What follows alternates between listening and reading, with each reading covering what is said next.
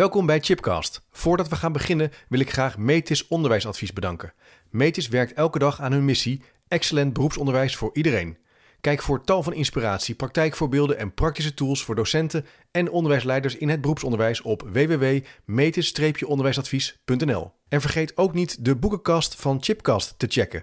Op www.managementboek.nl/chipcast vind je alle boeken die in de podcastgesprekken voorbij komen.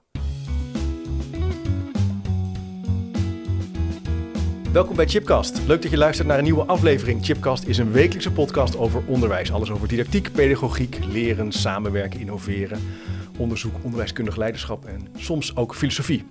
En in deze aflevering praat ik met Johannes Visser. Hij schreef het boek Is het voor een cijfer?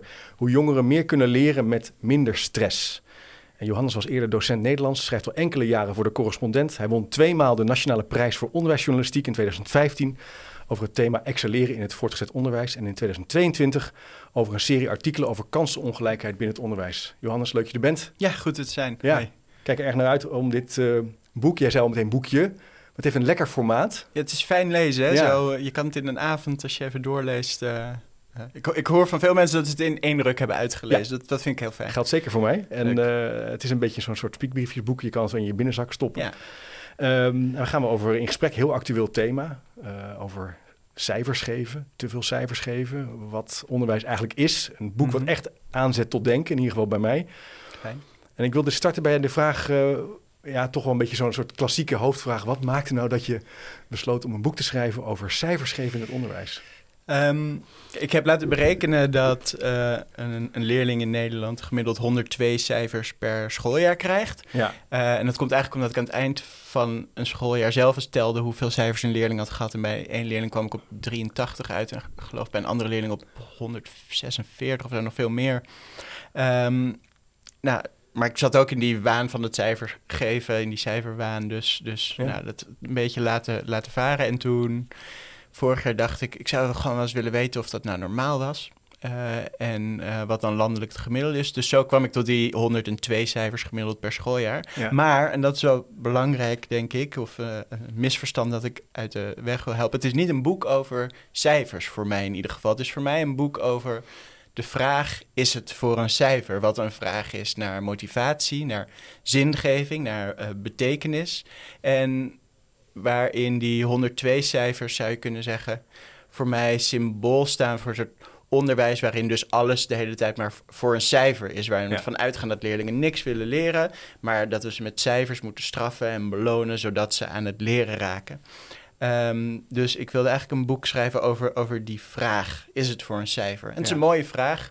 Want als iets voor een cijfer is, dan zou je de ene leerling die, die gaat heel hard leren omdat hij ja. uh, zeker geen onvoldoende wil halen en misschien wel een beetje faalangstig is. De ander die leunt achterover en die denkt, nou ja, als het voor een cijfer is, doe ik het minimale. Um, maar wat ze met elkaar gemeen hebben, uh, is dat het om dat cijfer begint te draaien en niet zozeer om wat je moet doen voor dat cijfer, of dat belangrijk is of leuk is wat je uh, leert. Ja. Ja. Ik herken dat ook wel als docent, uh, ook op de universiteit, dat als je dan start met een collegereeks, dat het vrij snel kan gaan over... wordt dit ook op het examen en op het tentamen gegeven? Ja, en sterker nog. Ja, ja zodat. Uh, ja.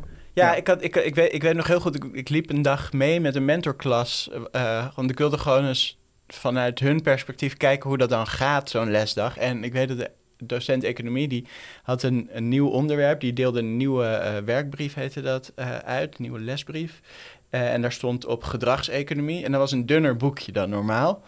Um, en die docent die vertelde, wat jullie vandaag gaan leren, trekt alles in twijfel wat jullie voorheen bij economie geleerd hebben. Jullie hebben oh ja. jaren sommen moeten maken vanuit het idee dat mensen rationele wezens zijn. Maar vandaag gaan we erachter komen, mensen zijn helemaal geen rationele wezens. Dus die sommen, ja, die komen een beetje op losse schroeven te staan. En zo'n jongen steekt zijn hand op, die kijkt naar dat dunne boekje en zegt is dit alles wat we moeten leren voor de toets? en de les daarna zeg ik, maar jongens, ja, de les daarna vroeg ik aan mijn mentorklas bij, hadden jullie door dat, dat het superbelangrijke, wat hij daar eigenlijk zei, dat alles wat je daarvoor ja. had geleerd bij economie zo op losse schroeven komt te staan, dat was niet echt binnengedrongen, want ze, We wachten de, gewoon tot we kunnen checken. Ja, en het was wel lekker voor ze. Het was een dunner boekje dan, uh, dan normaal, dus ja. ze dacht, ach mooi, kunnen we komende blok, blok een beetje achterover uh, ja, Het, is wel, het heeft ook wel iets treurigs, ook als zit ik te bedenken als vakman of vakvrouw dat leerlingen of studenten zich heel snel gaan verhouden tot dat eindpunt. Ja. Uh, ik heb nog vanochtend met mijn zoon gehad, die heeft dan moest een brief, zakelijke brief schrijven voor Nederlands. En uh, ja, dat ging eigenlijk niet meer zozeer over wat een goede brief is en hoe je het opbouwt, maar meer over het feit van, nou ja, wanneer heb ik het mm -hmm. en hoe kan ik het eigenlijk afvinken? En ja. uh, had er wel vertrouwen in, daar, daar gaat het niet om, maar het is eigenlijk wel jammer ook in, in die zin. Ja. Dat, dat zette me, daar dacht ik zelf over na terwijl ik het las van, gaat al je inhoud en je liefde voor het vak wat je wil overbrengen. Nou, en ook wel als het om een brief schrijven gaat, specifiek weet ik nog wel, dan hadden we van die beoordelingsformulieren, want dan moet je objectief punten gaan geven, dus dan kom je al snel op, nou, er moet, je moet twee argumenten voorgeven. Je moet één tegenargument weerleggen. En als, je dat, als dat erin zit, dan krijg je Ja. al drie punten. Ja. Terwijl het natuurlijk voor een leerling gaat om de vraag, als je een betoog moet schrijven. Oké, maar wat is hier het beste argument? Je kan beter één goed argument hebben waarmee je iedereen overtuigt. En dat je twee argumenten voor, één argument tegenargument weerlegt. Dus eh, het, het nadenken over wat wil ik eigenlijk met dit betoog met deze brief bereiken en wat zijn mijn middelen, wordt ook onderuit gehaald doordat je Ja. heel erg volgens het beoordelingsformulier, oh ja, dit zijn de argumenten, het moet een pakkende inleiding hebben. Ja. En, en dat je zo dan gaat afvinken, eh, hoeveel betoog je dan, eh, zo, dan, dan, en dan leer je leerling aan, begin eens met een anekdote, hoeveel betoog je, dan krijgt die beginnen met stel je voor. En dan, ja, maar nou heb ik 25 Ja. betogen die beginnen met stel je voor, dus wil je origineel zijn, dan bedenk dan weer eens wat anders. Eh, Maar het is wel, het is, dit, dit doet het dus met, met leerlingen en met mensen. Als je, maar dat toetsen onderdeel is van leren is eigenlijk wel, denk ik, dat is ook niet iets waar jij overigens, volgens mij, eh, dat je, wat je ontkent. Maar je, je bent wel aan, altijd aan het checken, denk ik, Ja. ook als docent Ja. Nederlands, van hey, kan ik verder? Kan ik opbouwen? Ja. Maar toch heb je dan elke periode, vaak op het eind, komt er dan zo'n zo'n week waarin die toetsen eh, worden gegeven. Ja, en die twee die, die zijn, eh, als je het uh, uh, formatief handelaars vragen, bijvoorbeeld heel erg door elkaar gaan lopen. Dus Ja. dat eigenlijk leerlingen tijdens het leerproces al het gevoel hebben dat het een beoordeling is. Dus dat ze geen fo- fouten mogen maken op dat moment. Ehm, ehm, dus dat ze eigenlijk tijdens het leren al denken, oh, maar dit is, wordt beoordeeld. eh, ik ben niet aan het leren, ik mag gewoon geen fouten maken nu. Ehm, en natuurlijk is lesgeven is voortdurend toetsen, want je bent de hele tijd aan het, aan het kijken wat weet iemand, eh, wat kan iemand en wat is dan een, een stapje verder of wat kan ik aanreiken om die leerling weer iets eh, verder te brengen. Ja. Hoe, hoe deed jij dat dan eh, in, tijdens jouw lesgevende jaren? Heb jij proberen dat patroon te doorbreken van, die, van, die, van, van het geven van cijfers? Ik heb het zelf al geprobeerd namelijk en ik vond het... je loopt ook echt tegen bepaalde zaken aan hè, op Mhm. een school. Hoe heb, hoe heb jij dat ervaren? Nou, eh, kijk, ik, ik was gewoon gebonden aan een PTA, dus ik moest een Ja. aantal cijfers per, per jaar geven. Of een LTO of een PTA.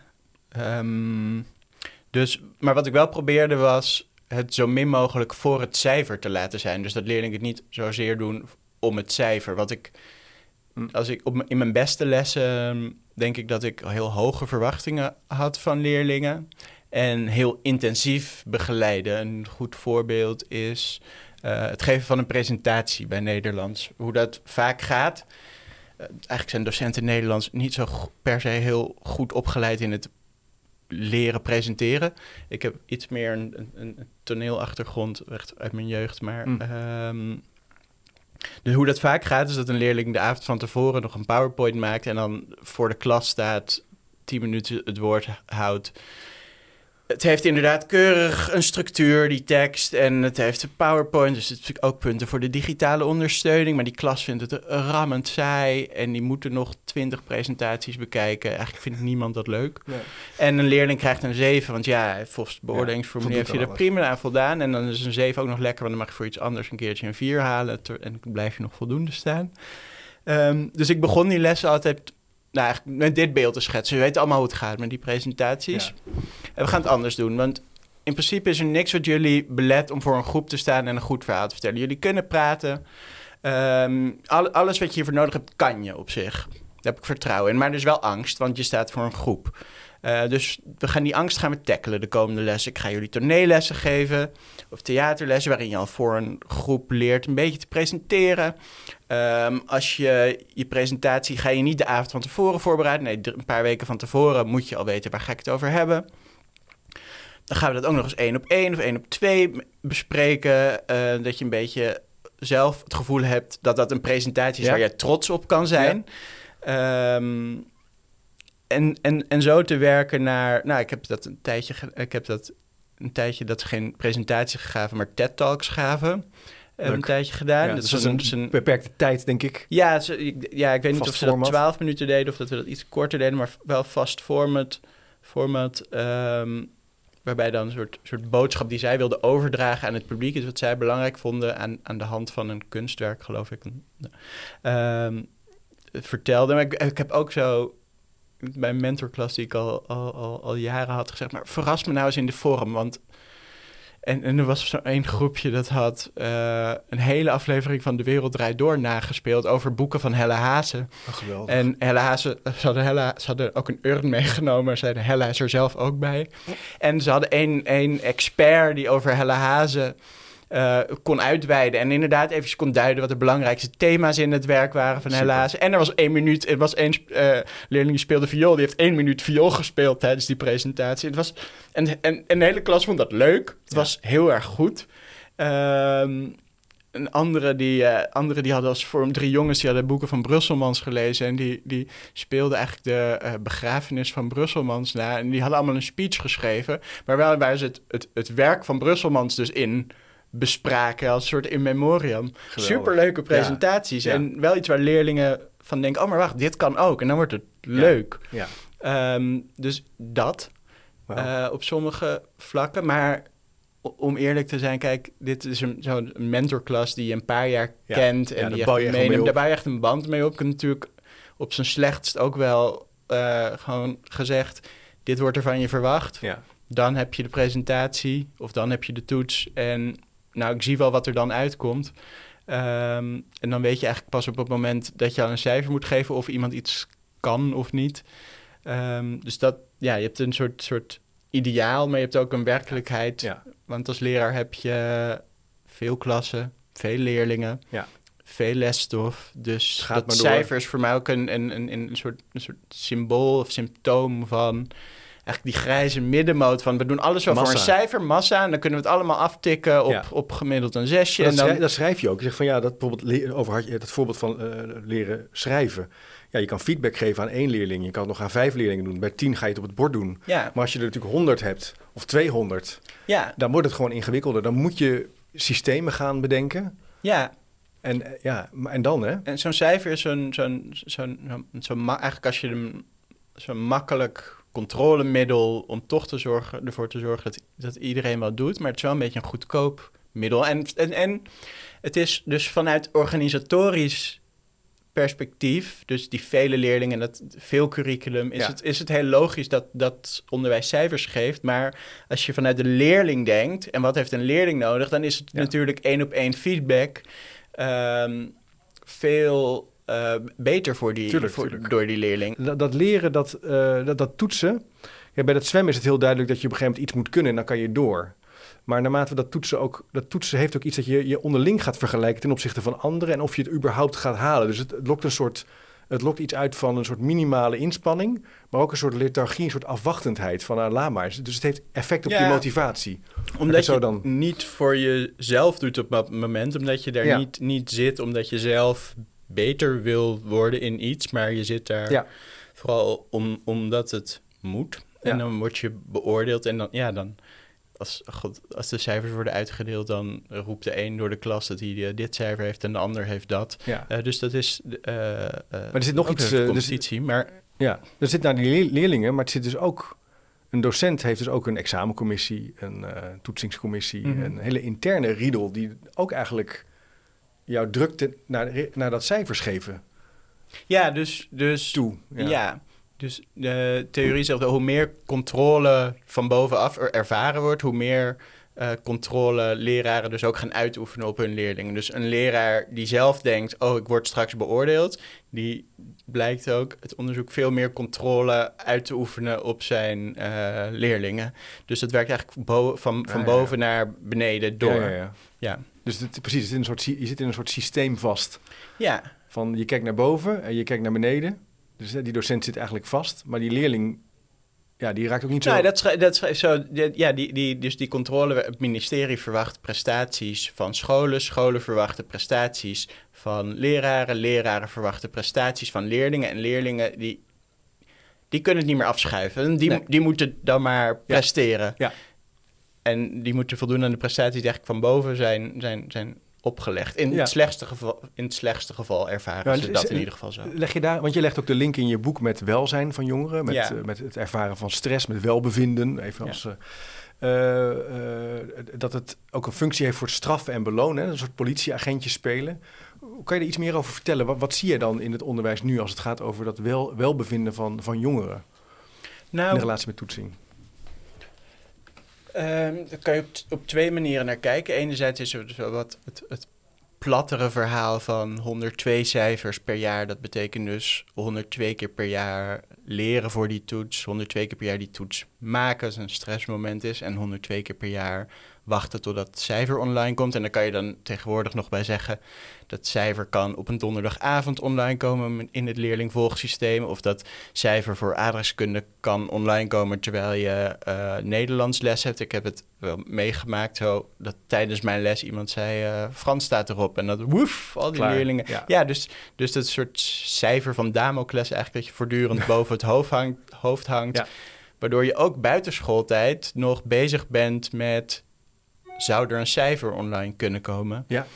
Ehm, dus dat is de ene kant en dat is gewoon de, de wat plattere kant van cijfers zorgen voor stress. Maar uh, belangrijker is voor mijn gevoel, uh, of nee, belangrijker is, en ik gebruik daar de zelfdeterminatietheorie voor in het boek, die kijkt naar waarom leerlingen iets doen.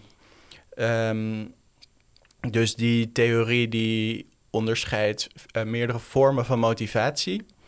Uh, we zeggen als leerlingen zijn gemotiveerd of ongemotiveerd. Gemotiveerd zijn zoals ze iets doen, ongemotiveerd zijn zoals ze niks doen. Maar wat er mooi is aan die theorie is dat die uh, eigenlijk verschillende vormen van motivatie benoemt. Dus die zegt enerzijds is er intrinsieke motivatie wanneer je een activiteit in zichzelf leuk of interessant vindt. Het gaat je om de activiteit en niet om iets daarbuiten. Je hebt ook een uh, uh, andere vorm van motivatie, uh, identified regulation. Of het gaat eigenlijk over de, de regulatie van je gedrag. Dus mensen kunnen ook iets doen omdat ze het belangrijk vinden. Um, ja. Omdat het bijvoorbeeld persoonlijke waarde voor hen heeft, of omdat ze er later iets mee willen gaan doen. Dat is extrinsiek, want het gaat om ik, ik vind het belangrijk, niet omdat ik het leuk vind, maar omdat ik er later misschien iets mee wil. Of omdat het voortkomt uit een waarde die bij mij past. En die twee vormen van motivatie noemen we eigenlijk in de theorie samen autonome motivatie. En wat die twee kenmerkt, gezamenlijk is dat mensen sterk het gevoel hebben dat hun gedrag voortkomt uit wie zij zijn, dat hun gedrag bij hen past, dat hun gedrag soort vrijwillig uit hen voortkomt dan heb je ook vormen van motivatie die gecontroleerde motivatie even heten, controlled motivation. Dat kan bijvoorbeeld zijn wanneer iemand heel hard gaat leren, dan zouden we zeggen die is gemotiveerd, maar die leert omdat hij bang is door de man te vallen. Dus die leert altijd zo goed mogelijk omdat hij het niet kan verkroppen en onvoldoende te halen, want dan zal hij zich schamen. Ehm, en dat wil hij niet, dus die leert eigenlijk om een negatief gevoel te vermijden. Ja. En dan kan iemand nog leren uh, bijvoorbeeld omdat zijn ouders zeggen: Ik vind het belangrijk dat je hoge cijfers haalt. Of je, je, je krijgt een uh, nieuwe uh, fatbike, denk ik tegenwoordig. Als je, als je hoge cijfers haalt. dus zo iemand die leert. niet omdat hij dat leren belangrijk vindt, niet omdat het gedrag bij hem past, maar die, die, die leert omdat iemand anders dat bepaald heeft. En die, die laatste twee vormen, die heten eigenlijk, dat zijn vormen van eigenlijk minder autonome motivatie.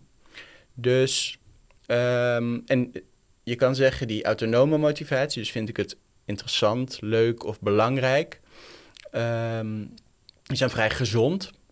Um, want mensen hebben het gevoel dat hun gedrag dan bij hen past. En die andere vormen van motivatie zijn gewoon niet zo gezond. Leiden ook niet echt tot beter leren, leiden tot problemen. En dat vind ik eigenlijk naast dat punt van die stress nog wel belangrijker, omdat cijfers doorgaans, ik moet daar kanttekeningen bij plaatsen, maar cijfers doorgaans zoals ze in een schoolcontext worden gegeven, uh, leiden tot lagere vormen van motivatie. Niet altijd, want je kan als docent allerlei dingen doen uh, om ervoor te zorgen dat, dat, dat het niet zo is. Maar doorgaans, als, zoals we in het huidige systeem cijfers geven, leiden die tot lagere vormen van motivatie. Ehm, en dat is kwalijk voor uh, um, het wel, welzijn van leerlingen. En ik denk dat dat een serieus probleem is. 45% van de leerlingen ervaart veel druk door school en schoolwerk. 30% van de leerlingen zeg maar controle te hebben over het eigen leven. 60% van de 12 tot 16-jarigen zegt um, meer dan eens per week uh, klachten te hebben, fysieke klachten te hebben, die eigenlijk niet voortkomen uit lichamelijk gebrek, maar uh, gebreken, maar uit uh, psychologische problemen. En dat heeft niet allemaal te maken natuurlijk met die cijfers. Het zou, zou idioot zijn om te zeggen, en dat komt allemaal door die cijfers, maar die cijfers zijn wel een mooi symbool, vind ik. Zeker die 102 cijfers om te laten zien. Ja, we, uh, we organiseren vanuit het onderwijs heel veel vanuit controle. En heel weinig vanuit vertrouwen of vanuit uh, de drie grondstoffen voor groei, waar we misschien ook over moeten hebben. Uh, want je kan die... Want die, zijn dat die drie van Daisy en Ryan, waar je nu naar uh, autonomie, verbondenheid, ja. vakmanschap? Ja, dus, je kan, ja, dus je kan de motivatie van leerlingen, die kan beter worden wanneer je leerlingen het gevoel geeft, wanneer ze het gevoel hebben dat ze iets te kiezen hebben. Uh, wanneer ze het gevoel hebben dat, dat wat ze moeten doen, dat ze dat op zich kunnen en er beter in kunnen worden. En wanneer ze zich verbonden voelen met anderen. Dus dat er een soort groepsgevoel is of dat hetgeen wat ze moeten leren soort, uh, betekenis heeft in hun leven, maar verbondenheid. Ja. Ik denk dat ja, het is een hele mooie uiteenzetting. Ik denk dat het ook wel spannend is, want als je het zo schetst en je zou die drie grondstoffen gebruiken, dat sommige docenten misschien denken, ja, maar daar gaat mijn hele vak, uh, dan gaan ze geen Helle Hazen misschien meer lezen. Dan, ja, juist wel. Uh, jij denkt juist wel. Ja. Maar, die, die, maar jij, kent, jij kent misschien die zorg, toch? Dat het, het loslaten van die, van die controle, leidt dat wel tot een genoeg basisniveau om door te gaan naar het mbo of om door te gaan naar het hbo? Ik denk dat je die nou, je jij kan, juist wel, ja. Nou, je kan in ieder geval zeggen, en daar zijn nog veel studies naar gedaan, dat, dat die intrinsieke motivatie, autonome motivatie, gewoon leidt tot beter leren en uh, studiesucces. Ja. Um, ja. ja. Als, want als een leerling de hele tijd het gevoel heeft, het is natuurlijk logisch, als een leerling het gevoel heeft dat hij iets moet leren alleen maar omdat het moet, ja. Ja, dan vergeet hij ook snel wat hij leert, want hij, hij bouwt eigenlijk niet echt kennis op die betekenis voor hem heeft. Hij leert dat even voor de toets. Het LAK zegt dat wel mooi. Die zeggen, uh, die cijfercultuur is eigenlijk een cultuur van uh, uh, zweten, weten en vergeten. dus we spannen ons even in, dan weten we wat we moeten weten voor de toets en daarna vergeten we het weer. En dat, dat vergeten, dat zegt de, essentieel in, in die drie trap. Want als je het alleen maar leert voor het cijfer, ja, waarom zou je er dan daarna nog willen onthouden? Ja. ja. Um, nou, er zijn, er zijn natuurlijk ook wel, er zijn ook wel mensen, maar misschien hangt ook een beetje af waar je naar kijkt, naar het PO of het VO. Die zeggen van ja, maar die prestatie is ook belangrijk om gemotiveerd te raken. Dus als je bijvoorbeeld bij, als je meer weet, als je meer geleerd hebt, zie je ook meer. En dan krijg je misschien, hè, dan ga je meer informatie kan je tot je nemen, kan je meer koppelingen leggen. En dat maakt dat je misschien gemotiveerder raakt. Zeker.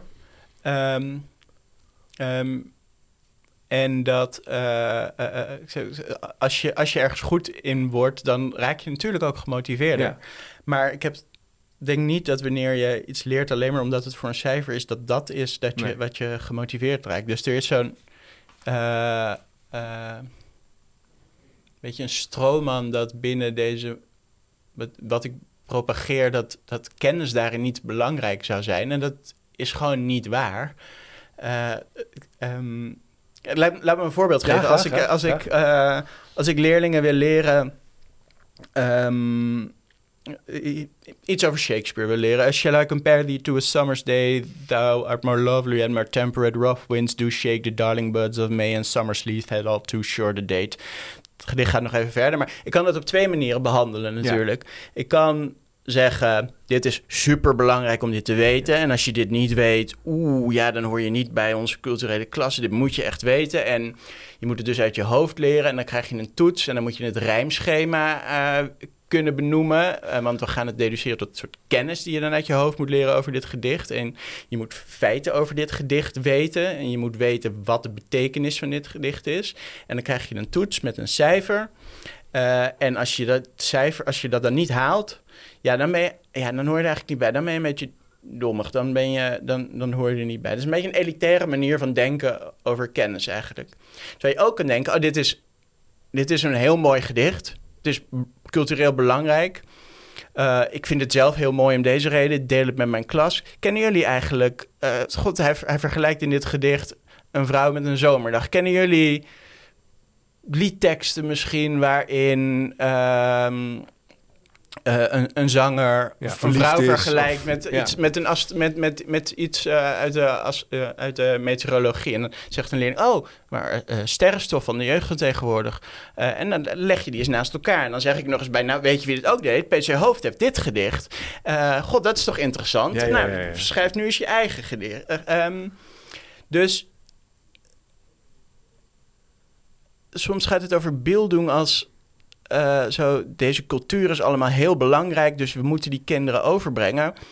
En je kan zeggen, die cultuur is heel belangrijk om over te brengen, maar dan moet je wel vanuit een enthousiast, enthousiasme doen van, kijk hoe mooi dit is en hoe dit ook en dat is natuurlijk het punt die culturalisten, hè, van, die zeggen van we hebben allerlei eh, kennis uit de geschiedenis, die moeten we overdragen. Ja. Het, het, voelt soms een beetje, eh, volgens mij stel je dat als dat moet er gewoon doorheen geramd worden. Ja. En als, je niet, als, je, als dat niet zo is, dan ben je gewoon ben je een sukkel. En jij zegt eigenlijk nee, je, moet, je kan veel meer doen om die motivatie en die drive, die nieuwsgierigheid aan te wakkeren. En daar zit veel meer, daardoor beklijft het veel meer. Ja, en sterker nog, wordt het ook wat. Ja, en sterker nog, ik vind ook dat je als leraar of als onderwijs eigenlijk die plicht hebt, want je let wel, je stuurt kinderen natuurlijk verplicht naar school, ja. waar ze een curriculum tot zich moeten nemen waar ze niet zelf voor hebben gekozen. Nee. Um, dat is een unieke situatie. Je zal geen volwassenen, bij volwassenen kan je dit niet meer doen, maar je stuurt kinderen verplicht naar school.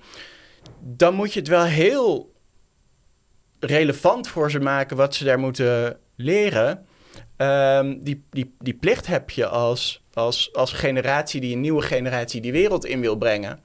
Uh, het is, zou gek zijn om te zeggen, wij vinden dit als generatie heel belangrijk. Ja. We gaan dat bij jullie toetsen en meten. Um, maar we gaan niet zo echt ons best doen om, om, om dat enthousiasme te maken. Ja, en daar moet ik wel bij zeggen... Uh, dat enthousiasme is als leraar... Uh, in een realiteit waarin je per week ja.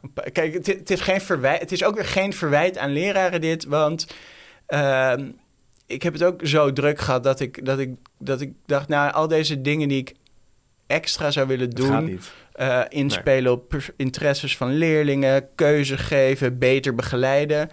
Het kost wel allemaal, het kost vaak tijd. Het kost heel veel tijd, ja. Dus en je dus kan ook niet de hele week, bedoel, ik heb zelf economieles gegeven, maar ook op de universiteit lesgeven. Als je veel vakken, als je veel les moet geven, dat, dat, dat hou je gewoon niet vol op een gegeven moment. Als je het goed wil voorbereiden, als je het goed wil, als je mooie ervaringen wil creëren, dan is, dan is dat, ja, kost dat flink wat tijd. Ja, ja en, en mooie ervaringen kan je ook vaak niet zo goed controleren met een cijfer. Dus ik heb ook wel nee, nee. goede lessen gegeven die eigenlijk, waarvan ik, ik moet even, even kijken of ik een voorbeeld heb. Ja. Um, nou, misschien een voorbeeld van buiten. Veel goede lessen heb ik eigenlijk buiten, buiten lesset omgegeven. Die telde niet mee als lesset. dus een schoolkrant die je begeleidt. Oh of oh ehm, ik moet nu denken aan een filmweek die we organiseerden. Waarin zo leerlingen of weken, maanden vooraf konden kiezen of ze een route wilden doen als filmmaker. Dan kregen ze workshops filmmaken. Of een route als acteur. Dan kregen ze acteerles. Of een route setdresser. Want het was aan het eind was een soort galafeest. En dan leerden ze hoe maak je eigenlijk een goed feest. En al die leerlingen die kozen voor zo'n route. Het was ook een academische route. Van nou, als je gewoon geïnteresseerd bent in uh, filmanalyse, dan stuur je naar de universiteit, krijg je daar colleges bij. Ja, ik kan natuurlijk niet achteraf iedereen diezelfde toets geven en laten zien en zeggen, nou, dit heeft die en die en die geleerd. Maar wat ik wel gezien heb, is dat veel leerlingen die week heel actief aan het leren waren. Ja. Dus, en dat, dat mis ik wel eens in, in zo onderwijskundig onderzoek, maar misschien generaliseer ik nu, dat het veel gaat over we toetsen vooraf, meten we wat leerlingen kunnen en dan wat ze achteraf kunnen. Terwijl je voor, wat mij toch beter zou moeten kijken naar, maar zijn leerlingen actief aan het leren? Leren is een activiteit. Ja. Uh, en als je dan kijkt naar klassen waar les wordt gegeven en kijkt met, maar hoeveel minuten zijn eigenlijk leerlingen hier actief bezig. ja, dat valt tegen. En daar zit heel veel kansenongelijkheid in ook. Nog geloof dat Jaap Dronkers dat uh, ooit schreef. Dat een van de grootste factoren voor ongelijkheid gewoon is de tijd die leerlingen in een les besteden aan daadwerkelijk leren. Ja. Nou, het actief bezig zijn met de stof. Actief bezig zijn met een leerkracht of, of, docent die daar ja. dat modereert, dat uh, overbrengt. Dat is natuurlijk ja, ja, ik moet ook denken aan, uh, het, is, het triggert me wel wat je zegt, er wordt weinig onderzoek gedaan, inderdaad, los naar die, die nulmeting en die nameting. Ik denk dat het ook belangrijk is, maar ik heb bijvoorbeeld een heel interessant onderzoek een keer gelezen van Jarisse Kaskens. Ik heb het volgens mij ergens hier in de kast gedaan, over mm. rekengesprekjes met leerlingen voeren. Dus hoe je ook, hoe kinderen ook beter kunnen worden met rekenen door een gesprek te voeren over rekenen, in plaats van weer te meten. En, hè, dus de, je kan, ze leren ook door überhaupt een gesprek te, te voeren over wat ligt hier eigenlijk op tafel en wat vind je er eigenlijk van. Of iets, en dat vinden we toch best wel een beetje ongewoon nog in de, in de didactiek en het onderzoek. Terwijl daar misschien heel veel potentie zit. Ja, en er is denk ik wel een, een verschuiving geweest afgelopen 20, 30 jaar. Gert Bista die beschrijft het ook wel van een soort cultuur van verlering... waarin de pedagogen een beetje plaats maakten voor onderwijskundigen en didactici. Ja. Ehm, ja, ja, dat is wel een punt, ja. ja maar, maar, ik, waar ik nog naartoe wil, is iets, misschien iets anders. Is um, dat welbevinden stress misschien even als apart thema. Hè? Wat, wat studenten, uh, jongeren ervaren. Ik denk dat dat, dat leg je heel uh, invoelend ook uit, vind ik, in je boek. Maar je zou nog wel kunnen zeggen, ja, dat is ook een maatschappelijk probleem. Is het niet, want er, er moet ook heel veel nu. Ik zie het ook aan mijn kinderen, hè? social media op de telefoon, maar ook uh, de, de, de, druk om te presteren. Kan, kan dus, hoe, hoe kijk je daarnaar? Um, natuurlijk is het ook een maatschappelijk probleem en ik, ik heb me in dit boekje met je willen richten op wat gebeurt er, wat gebeurt er nou op die school waar je misschien op een andere manier naar zou kunnen kijken. Kijk, je, kan, je kan ook een van de factoren dat die druk is toegenomen, is ook dat er veel meer hoogopgeleide ouders zijn die van hun kind verwachten dat die net zo hoog opgeleid zullen zijn. Dus alleen al statistisch gezien zullen er ouder, veel meer kinderen zijn die hun ouders ja teleur gaan stellen. Ja, dat is goed punt. En, Omvang, hè? Dus veel meer hoog. Ja, ja, En zijn niet alleen maar, ja, en, en niet alleen maar hoogopgeleide ouders. Ik denk dat het ook geldt voor ouders die zelf nog echt via het onderwijs zijn opgeklommen. En dat waren in het verleden misschien kinderen van uh, boeren en arbeiders die het onderwijs echt nodig hadden om op te klimmen. Onderwijs was toen nog een privilege. En je ziet dat nu denk ik, bij uh, kinderen van uh, migrantenouders. Ik denk dat daar ook veel druk is op uh, hun kinderen om te moeten presteren op school en bepaalde studies te moeten doen omdat dat een groep ouders is die heeft gezien, ja, maar we hebben dat onderwijs nodig gehad om op te klimmen uit ja. een situatie waar we niet in wilden zitten. Dus, dus dat onderwijs is super belangrijk. Ja. Ja. Ja. Ja. Um, maar los daarvan maakt het onderwijs zelf natuurlijk wel deel uit van die maatschappij. Dus ik denk niet dat je kan zeggen, nou, maar je hebt de prestatiemaatschappij en dan heb je het onderwijs. En een leerling besteedt gewoon een heel groot deel van zijn jeugd op een school. Dus lijkt het me evident dat hoe je die omgeving inricht nogal van invloed is op het welzijn van leerlingen. En je ziet ook dat nou, op uh, scholen waar meer uh, uh, gemotiveerd wordt op basis van die drie grondstoffen voor groei, autonomie, competentie, verbondenheid, dat leerlingen daar wat lekkerder in hun vel zitten. Ja, ja, ehm, ja. Plus als je leerlingen vraagt wat is nou je grote probleem, dan zullen ze zelf ook zeggen, nou ja, ik moet zoveel op school. Dus het, het, zou gek zijn om het onderwijs buiten beschouwing te laten. En gaat ook met je... niet, zeg je. Dat is ook... Nee, ja, ze zitten daar. Ze zitten daar een groot deel van hun jeugd. Dus. Nou, ik zat, vorige week zat ik een artikel van Hannah Arendt te ah. lezen uit voor mij 51 of zo, of 7. The Crisis of Education. Ik heb het wel vier keer moeten lezen, maar... En zij, in mijn eigen woorden, pleit toch voor een soort tussenruimte. Uh, Waarin ze zegt van ja, ik, ben daar, ik vind dat dus ik weet, ik weet niet zo goed dat ik er, of ik daar nou mee eens ben of niet. Maar de school als een soort tussenruimte waar kinderen groot kunnen worden. Waar ze nog een beetje veilig, hè, veilig van de buitenwereld. Niet te veel van die druk. Maar misschien kan, kan dat wel helemaal niet meer. Want en ik heb dat, ik heb dat essay tijd. Wat, mij, wat, wat ik me herinner. Wat ik me, wat ik me herinner van het essay is dat, ze, dat zij ook zegt. Er zijn leraren nodig zodat leerlingen zich kunnen meten aan de eisen die de leraar stelt. En, uh, zo, want als dat niet zo zou zijn, zouden ze alleen maar onderling in competitie zijn. Er zou een soort chaos ontstaan. Ja. Um, maar die school als tussenruimte vind ik ik vind, het, ik, ik vind school een gekke tussenruimte. Hm. Hm. Want ik heb niet het gevoel dat die school nou echt voorbereidt op de samenleving later. Ik krijg nu wel eens te horen van... ja, maar we moeten die kinderen toch cijfers geven... want het echte leven is ook zo hard. En ik denk dat... nee, helemaal niet. Als volwassenen zijn we helemaal... We zouden... Stel dat je baas 102 keer per jaar de werkvloer op komt lopen... en de cijfers op gaat lezen voor jou en je collega's. Dat zou je natuurlijk verschrikkelijk vinden. Ja. Ehm, en als we het hebben over evaluatie en beoordeling op ons werk... dan gaat het over persoonlijke doelen stellen. Klopt, ja. Eindeloze feedbackgesprekken met je ja, leidinggevende. En, en dit is allemaal veel zachter. Ja, en de wereld waar dit wel gaande is, want dan moet ik toch, uh, daar willen we juist vanaf. Dus de bedrijven in Europa die dat wel doen, dan zeggen we nou, dat willen we eigenlijk helemaal precies. niet. Dus het is inderdaad, vind ik het wel een... Ja, en, en ja. daar naartoe, ik vind dat we echt hard oordelen over onze jongeren of te snel zeggen, ah, zo erg is het allemaal wel niet. Ja. Ik heb dat toch vroeger ook meegemaakt. Ja, dat dat vroeger zo was, betekent natuurlijk ook niet dat het nu... Nee. Dat dat, dat, dat toen nee, al goed was. Laat staan dat het nu goed is. En nou ja, misschien is wel de beste graadmeter te denken...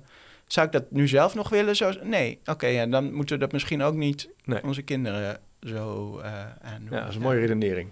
En die, de, andere vraag, dat, die drieslag van uh, Daisy en Ryan, hè? Uh, ik zie het ook soms wel eens bij, bij mbo-studenten en hbo-studenten... dat ze hun drive moet, dat is, het heeft ook iets normatiefs in zich, vind ik soms. Niet, eh, het hangt er waarschijnlijk af hoe je het gebruikt, maar herken je dat? dat ze moeten nu, eh, bijvoorbeeld um, op de basisschool heb je nu een leerkuil. En als mhm. kinderen dus iets moeilijk vinden, bijvoorbeeld rekenen, stel je voor je kan niet boven de twintigtal uh, optellen of aftrekken, uh, dan gaat een leraar soms zeggen, ja je zit nu in je leerkuil en dan moet je weten welke stappen dat zijn. En, dan, en dan heeft iets heel, vind ik, denk ik, oh, die arme kinderen, weet je, moeten ze ook nog eens weten wat ze, hoe ze leren en wat, ze, wat hun motieven zijn.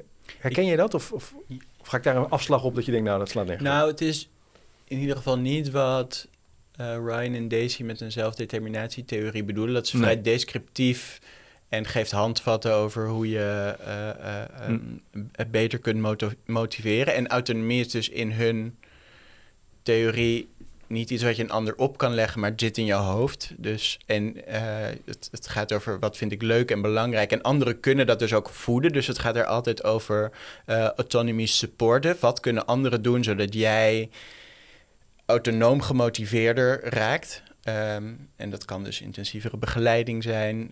Um, dat kan bepaald taalgebruik zijn. Dat je niet zegt tegen een klas: jullie moeten vandaag dit doen, maar we gaan vandaag dit doen. Nou, klein voor, klein voorbeeld. Maar ja, ehm, ik herken wat je zegt in.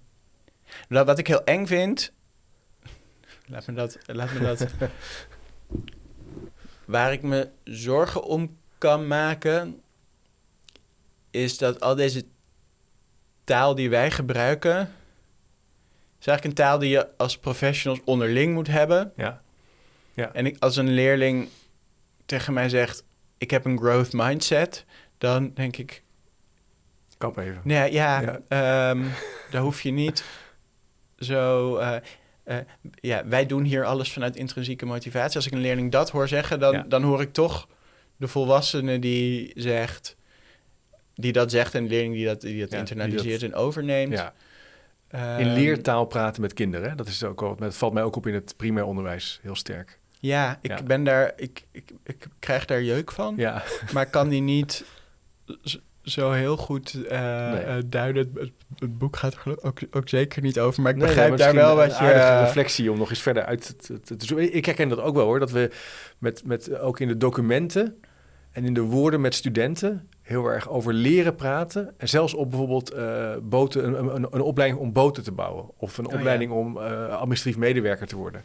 Terwijl het gaat om dat vak. Of het gaat om... Ja. Eh, en dat vind ik soms een beetje vervreemdend bijna. Ja. Een beetje filosofisch woord, maar... Nou, nee, maar het is, het is, het is, het is hebben zo, misschien ook wel omdat er meer hoger opgeleiden zijn... dan de, de neiging om de theorie die er is... ook meteen de taal van de praktijk te maken. Maar dat hoeft natuurlijk helemaal niet. Kan, Het kan natuurlijk best autonomy supportive zijn... zonder dat tegen een klas te zeggen. Ja. Ehm, ja sterker nog, ik denk dat dat, dat het gek is om dat de hele tijd te expliciteren tegen, tegen, uh, tegen Ja, dan wordt het een beetje vreemd. Ja. Dan wordt het een beetje vreemd. Um, Ja, uh, qua gespreksleiderraad moeten we nog heel veel vragen. Want het is buitengewoon fascinerend, Johans. Maar ik wilde nog wel even wat aan jou vragen. Wat, wat, wat mij nu wel, wat me echt aan het denken zet, is dat je ook zegt van ja, je wil eigenlijk op een andere manier met leerlingen in gesprek kunnen gaan, kunnen converseren over inhoud, hè? over het vak Nederlands of over scheikunde, ik noem maar even. Maar het curriculum zit natuurlijk enorm vol. Hè? Wij geven ook volgens mij wereldwijd heel veel uren les. En dan zeggen sommige mensen zeggen ja, we moeten minder les gaan geven. Uh, ook omdat er een leraar tekort is. Uh, hoe, hoe, kijk je nou naar, naar, dat soort discussies eh, gerelateerd aan wat je hebt geschreven? Ben je het daar dan mee eens? Of, of wat, wat, denk je dan? Als de vraag als, als de opmerking is, we moeten minder les gaan geven. Ja. Um, ik ben het ermee eens dat we in dat curriculum uh, kunnen schrappen. Omdat ik denk dat je beter uh, in een paar dingen goed kan worden dan hm. van heel veel dingen hm. net niks mee te krijgen. Um, we moeten minder lesgeven, heb ik altijd de vraag, maar, maar als je kijkt in het voortgezet onderwijs, hoeveel uur een docent aardrijkskunde zijn klas ziet in een week, dan denk ik, nee, die, die moet ietsje meer uren les gaan geven met die klas. Die moet namelijk ietsje intensiever kunnen uh, begeleiden. Dus voor mij zit het minder... En bij het minder lesgeven, dus, dus zelden iemand die zegt... we moeten minder les gaan geven en, en dan gaat dit, dit en dit sneuvelen. Dus ik heb in het boek maar aan het einde zo wel gezegd... oké, Frans, Duits en wiskunde, maak er keuzevakken van en gooi ze eruit. En ik dacht, ik vind het te vrijblijvend om te zeggen, we moeten minder les gaan geven. Als ik, een, als ik een drie HAVO drie uurtjes in de week les geef, dan is dat gewoon niet zoveel. Die moet ik eigenlijk meer les gaan geven, maar dan moeten ze iets anders, minder gaan doen. Ja. Ehm, ja, dat is natuurlijk een interessant punt. Want bij leren, hè, blootstelling aan de stof, hè, dus ermee actief aan de slag zijn, is een heel belangrijke nou niet voorspellen, maar een manier om eigenlijk uh, ja, slimmer te worden, kennis tot je te nemen. Als je maar een paar uur in de week uh, les krijgt en je doet nog wat huiswerkopdrachten. Ja. dan moet je eerder juist meer les geven dan minder. Maar ja, anders hè, waarschijnlijk dan. Nou ja, en dus, en dus, dus um, een ander, wat ik, wat ik mooi vind in het onderwijs is het profielwerkstuk waar een, een leerling eens een keer zelf kiest, begeleid wordt door een docent en, en die kiest altijd iets wat persoonlijk relevant uh, voor hem of haar is. Ja.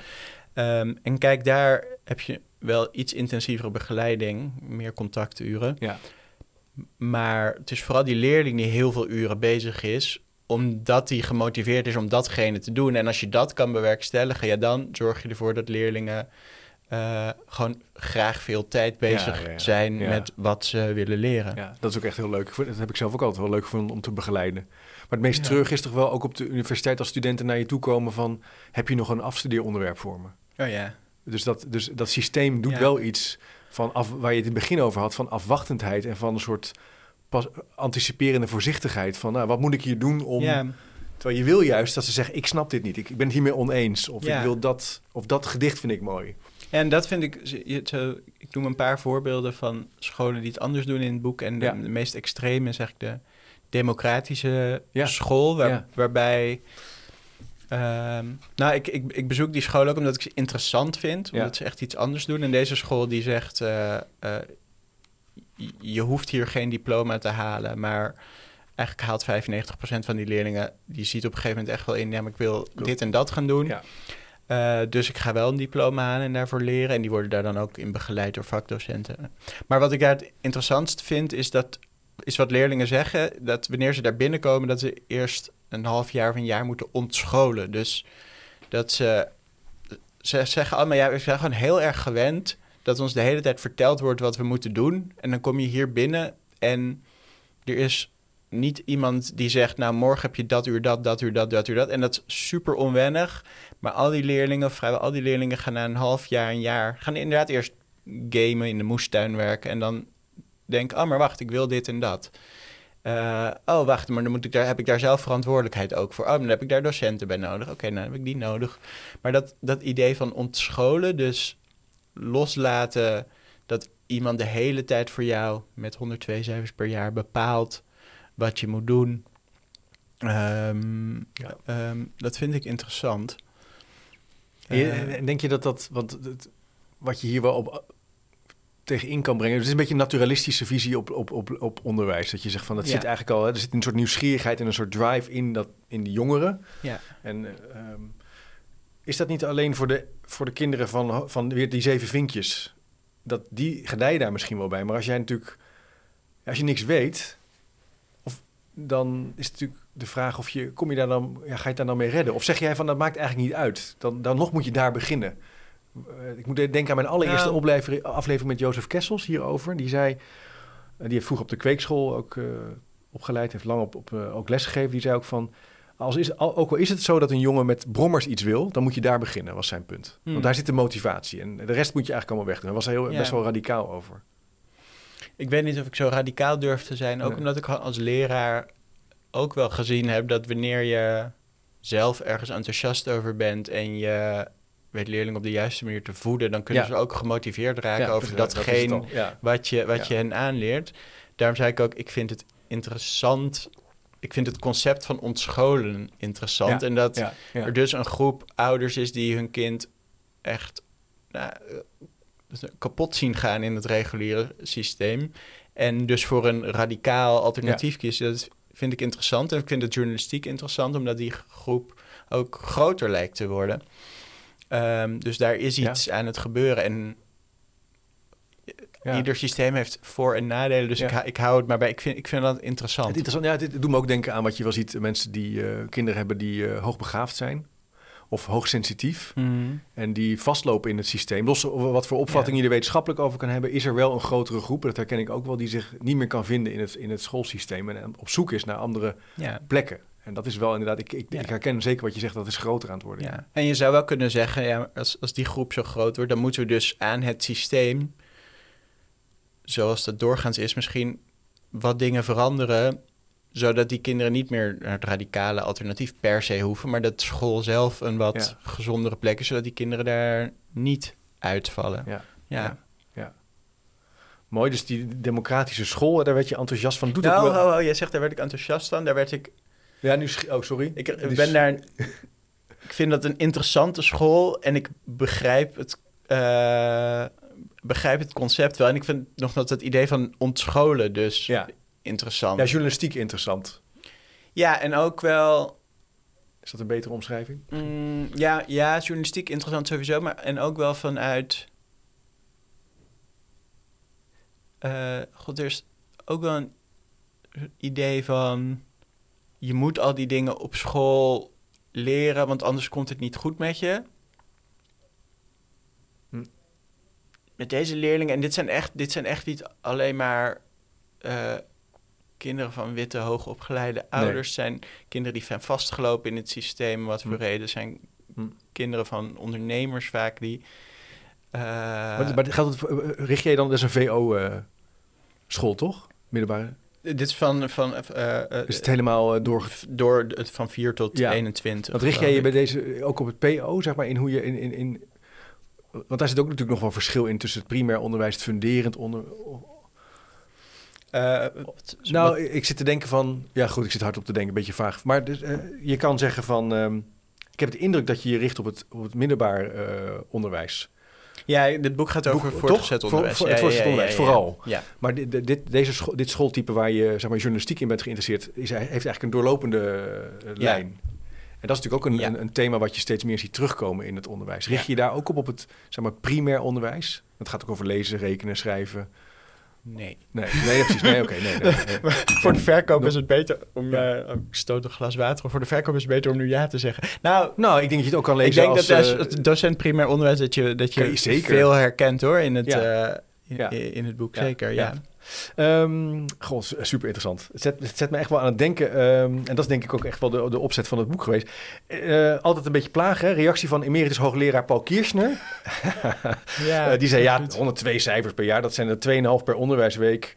Dus één per vak per vier weken. Waar gaat het over? Morele paniek noemde hij het. Het ja. valt allemaal wel mee. Uh, hoogleraar, hoogleraar, cognitieve leerpsychologie. Dus die houdt zich echt bezig met toch... Emeritus ook. E emeritus, ja. ja, ja, zeker. Ja.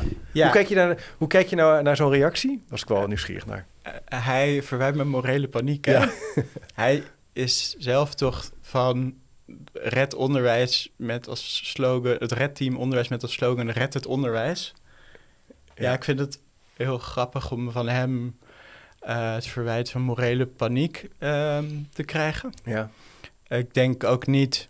Ik ben niet in paniek. Uh, ik nee, je komt niet in paniek met dit boekje willen zeggen... Nou, volgens mij hebben we wel groeiende problemen in het voortgezet onderwijs. Heeft dat hier en hier iets mee te maken? Kan ik dat een beetje terugkoken tot de vraag... is het voor een cijfer en eh, daarmee aan het denken zetten? Ja. Ehm, wat ik wel fascinerend vind of, uh, aan zijn reactie... Ehm, is dat hij zegt eigenlijk, ja, maar dat zijn maar vier cijfers per, of één, één, per vak, één uh, cijfer in de vier weken. Dus hij neemt al, die grote hoeveelheid vakken is natuurlijk deel van het probleem. Ja. Dus uh, als ik met 100 man één tennisbal naar jou ga gooien, kan ik zeggen, dat is helemaal geen probleem, want het, zijn, het is maar één tennisbal steeds. Maar jij ziet honderd tennisballen op je afkomen. En het is precies voor mij die omkering. Dus hij denkt vanuit het systeem en denkt dan dat is niet zo erg, want het is maar vier per vak. Maar als je vanuit het perspectief van de leerling denkt, dan denk je ja. eens, holy, 100 tennisballen. Uh, dat is heel erg veel. En juist die omkering probeer ik in het boek zo bloot te leggen. Dus ik wil laten zien, nou, die 102 cijfers zijn vanuit het systeem bedacht. Helemaal niet zo gek, mm, mm. want er zijn veel vakken, er is weinig tijd. Cijfers zijn een makkelijke manier om te, te motiveren. Maar vanuit de leerling zijn die cijfers die beleven die cijfers heel anders. Het is helemaal niet zo gezond voor hen om die 102 cijfers per jaar te krijgen. Dus het was voor mij een exemplarische reactie, kon er wel om lachen. Ja, ja, dus het is ook maar even welk perspectief neem je in. En je noemde natuurlijk ook wat, wat, wat, wat, uh, wat cijfers over, uh, cijfers, wat uh, percentages als je ziet wat nu, hoe leerlingen dus het ervaren op de middelbare school. Dat we toch echt wel een, een, een mogen, dat we ons wel aantrekken, maatschappelijk gezien. Ik vind dat, dus, dat vind ik ook echt wel heel, heel, dat zet je heel duidelijk uiteen. Ja, ja. zeker. Ja, en het overigens, het een hoeft het ander niet uit te sluiten. Je kan en goed lesgeven, denk ik zorgen dat ze veel leren. Eh, waar je volgens mij in het middenstuk van de podcast ook wat over hebt gezegd. En tegelijkertijd ook kritisch kijken naar hoe je dat beoordeelt, hoe je dat waardeert. Hoe je kijkt naar nou ja, het rapporteren en het meten. Zowel omhoog als docenten in het systeem, als ook met je groep uh, en met je leerlingen. Ja. En, hm. ja, en ik, ik, begin het boek, of eigenlijk het tweede hoofdstuk, begin ik eigenlijk met... Hoe was dat dan voordat er scholen waren? Wat me eigenlijk het meest gefascineerd heeft, is dat scholen. Er, wordt nu eens gezegd, oh, het zijn allemaal experimentele scholen, dat, uh, die hebben zich niet bewezen dat ze experimenteren met kinderen. Maar school zelf is eigenlijk ook een vrij relatief nieuw experiment. Want we hebben pas sinds 200 jaar nationaal onderwijs, sinds 100 jaar leerplicht. Je kan dat ook op een evolutionaire schaal als experiment zien. Ja. En wat ik, ik begin mijn boek dus ook niet, eh, niet, niet voor niets bij gemeenschappen van jager-verzamelaars. Waar ik zeg, dat, die hebben eigenlijk twee dingen goed begrepen. Want die kinderen daar spelen heel veel. Nou, daarvan weten we het is gezond. En die kinderen, zodra ze iets moeten leren... Um, gereedschappen maken, jagen... krijgen ze dat één op één of kleine groep leer, wordt hen die vaardigheden, misschien zou je kunnen zeggen via expliciete instructie, directe instructie. aangeleerd. Dus het is voor zo'n kind volstrekt duidelijk of ik leer iets heel erg goed, ja. of ik ben aan het spelen. En dat spelen is ook leerzaam, maar dat terzijde. En dat is eigenlijk een heel gezonde situatie. Ehm, en um, die 102 stijvers staan voor mij ook voor... Spelen is er niet zo heel veel meer bij, want je bent de hele tijd aan het leren voor dat cijfer. Maar eigenlijk leer je ook niet zo effectief meer, want je leert niet één op één de vaardigheden die je zelf, waarvan je weet dat ze belangrijk zijn om te leren. Nee, je leert 1 op 30 vaardigheden waarvan je denkt, waarvan iemand zegt, ooit zal je ze, zul je ze nodig hebben. Um, dus daarom begin ik, uh, begin ik het boek eigenlijk met, met, met die situatie van voordat we naar school gingen. Um, ja, dus we hebben eigenlijk als, als onderwijs een, een taak om leerlingen die verplicht naar school moeten zo te motiveren dat ze wat ze op school moeten doen, ofwel belangrijk vinden, of het leuk vinden, er nieuwsgierig naar zijn. Um, dat, is, dat is de taak, denk ik, van onderwijs, om dat op te doen bloeien. Los van de vraag van uh, Paul Kiersner heb ik ook een reactie gekregen van Erik X. Die is ook eerder in de podcast geweest, uh, columnist, zelf uh, docent op een gymnasium volgens mij. En even in mijn eigen woorden, die zegt ja, ik ben op heel veel, in heel veel landen geweest. Volgens mij heeft hij een soort onder, onderwijs wereldreis gemaakt. En op andere plekken worden er ook cijfers gegeven. Daar zijn leerlingen wel gemotiveerd. Hoe, dus hoe, hoe heb jij dat gelezen? Het was op LinkedIn volgens mij, hè? Even ja. zo uit mijn hoofd. Ik parafraseer een beetje nu, maar goed. Uh.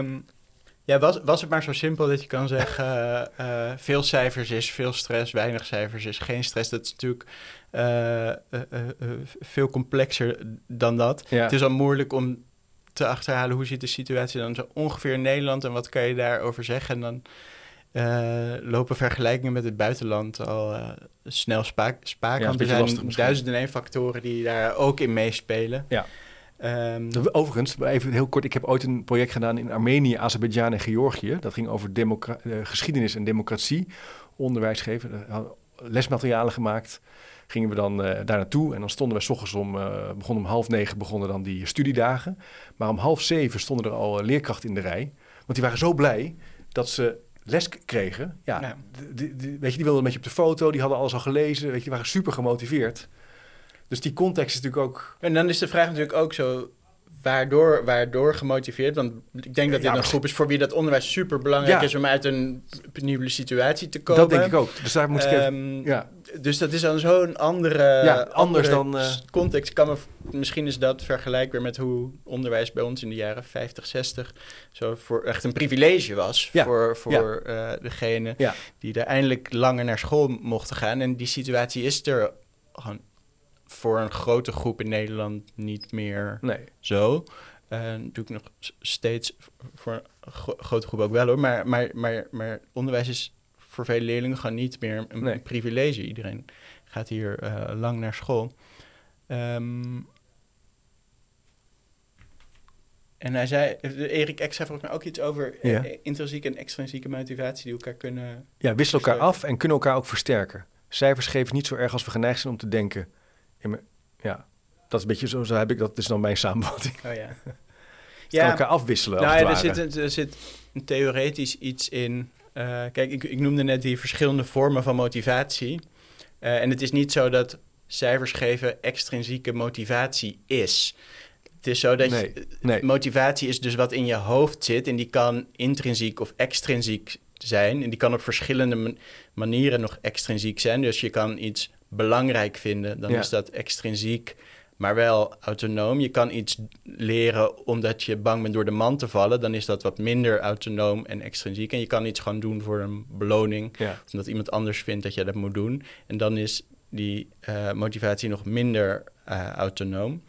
En een cijfer is eigenlijk uh, ja, is een, is een externe motivator, is geen motivatie. Um, maar er is een motivator die invloed heeft op die verschillende vormen van motivatie. Ja, dus dat loopt daar een beetje uh, uh, door elkaar eigenlijk. Uh, en natuurlijk kunnen externe motivatoren, en dat kan zijn dat ik als docent een afspraak maak met een leerling om het eens eventjes erover te hebben wat hij moet doen. Of een structuur van mm. leren, dat mm. kan ook, dat is extern. Mm. en dat kan, kan leiden tot motivatie cijfers zoals die doorgaans in het onderwijs worden gegeven, leiden wel tot lagere kwaliteit van motivatie. Helder. Mooi Johannes, ja, ik uh, super fascinerend. Mooi eindpunt denk ik van deze podcast. Denk het. Uh, tot bloei laten komen. En uh, onderwijs is eigenlijk ook maar een vrij jong experiment. Dat vind ik een hele interessante gedachte waar je eigenlijk nog wel een, zouden eigenlijk nog een keer een andere aflevering voor moeten, voor ja, moeten maken. ja, wie weet, kan ik je nog een keer strikken. Uh, superleuk. Leuk om met je hierover en interessant om met je hierover van gedachten is. Ik hoop dat het uh, ook voor degene die nu luistert uitnodigt om het boek aan te schaffen. Ik zal hem even op de boekenplank uh, zetten. Ik vind het echt een moeite waard om, om te lezen. Het zet echt aan tot denken. Ik mag er een paar weggeven. Dus als je oh. nu luistert en je denkt, hé, hey, ik ben het hiermee eens, of het zet me aan het denken, of ik heb nog een bron waarvan ik even uh, wat ik wil delen, deel het even via chipcast.nl. Je kan ook een vraag inspreken via de voicemail of het even via de socials delen. En de eerste, volgens mij, vijf exemplaren, die, uh, of vijf reacties krijg je mijn boek, stuur ik je op. Uh, en ik ga nog even Johannes verleiden om er een handtekening in te zetten. Dus ik zou zeggen, um, bedankt voor het luisteren, Johannes. Super bedankt voor je tijd. Ja, ik vond het leuk. Nou, dankjewel. Ik ook. Uh, op naar een uh, volgende stap en uh, tot de volgende keer. Yes. Nieuwsgierig naar meer? Abonneer je op de nieuwsbrief en je mist niks. Ga naar www.chipcast.nl slash doe mee. Wist je dat er op chipcast.nl meer dan 200 afleveringen over onderwijs, samenwerken, innovatie, verbetermanagement, leiderschap, organisatieverandering en filosofie te vinden zijn? Blij met deze podcast? Je helpt Chip enorm met een review of recensie op Spotify of Apple Podcast. Je kunt trouwens alle gesprekken op YouTube bekijken. En vergeet je dan niet te abonneren. Tot slot nog even dit. Managementboek heeft ook een podcast, De Boekenpraktijk, over managementboeken. Check ook deze podcast via je favoriete podcast app.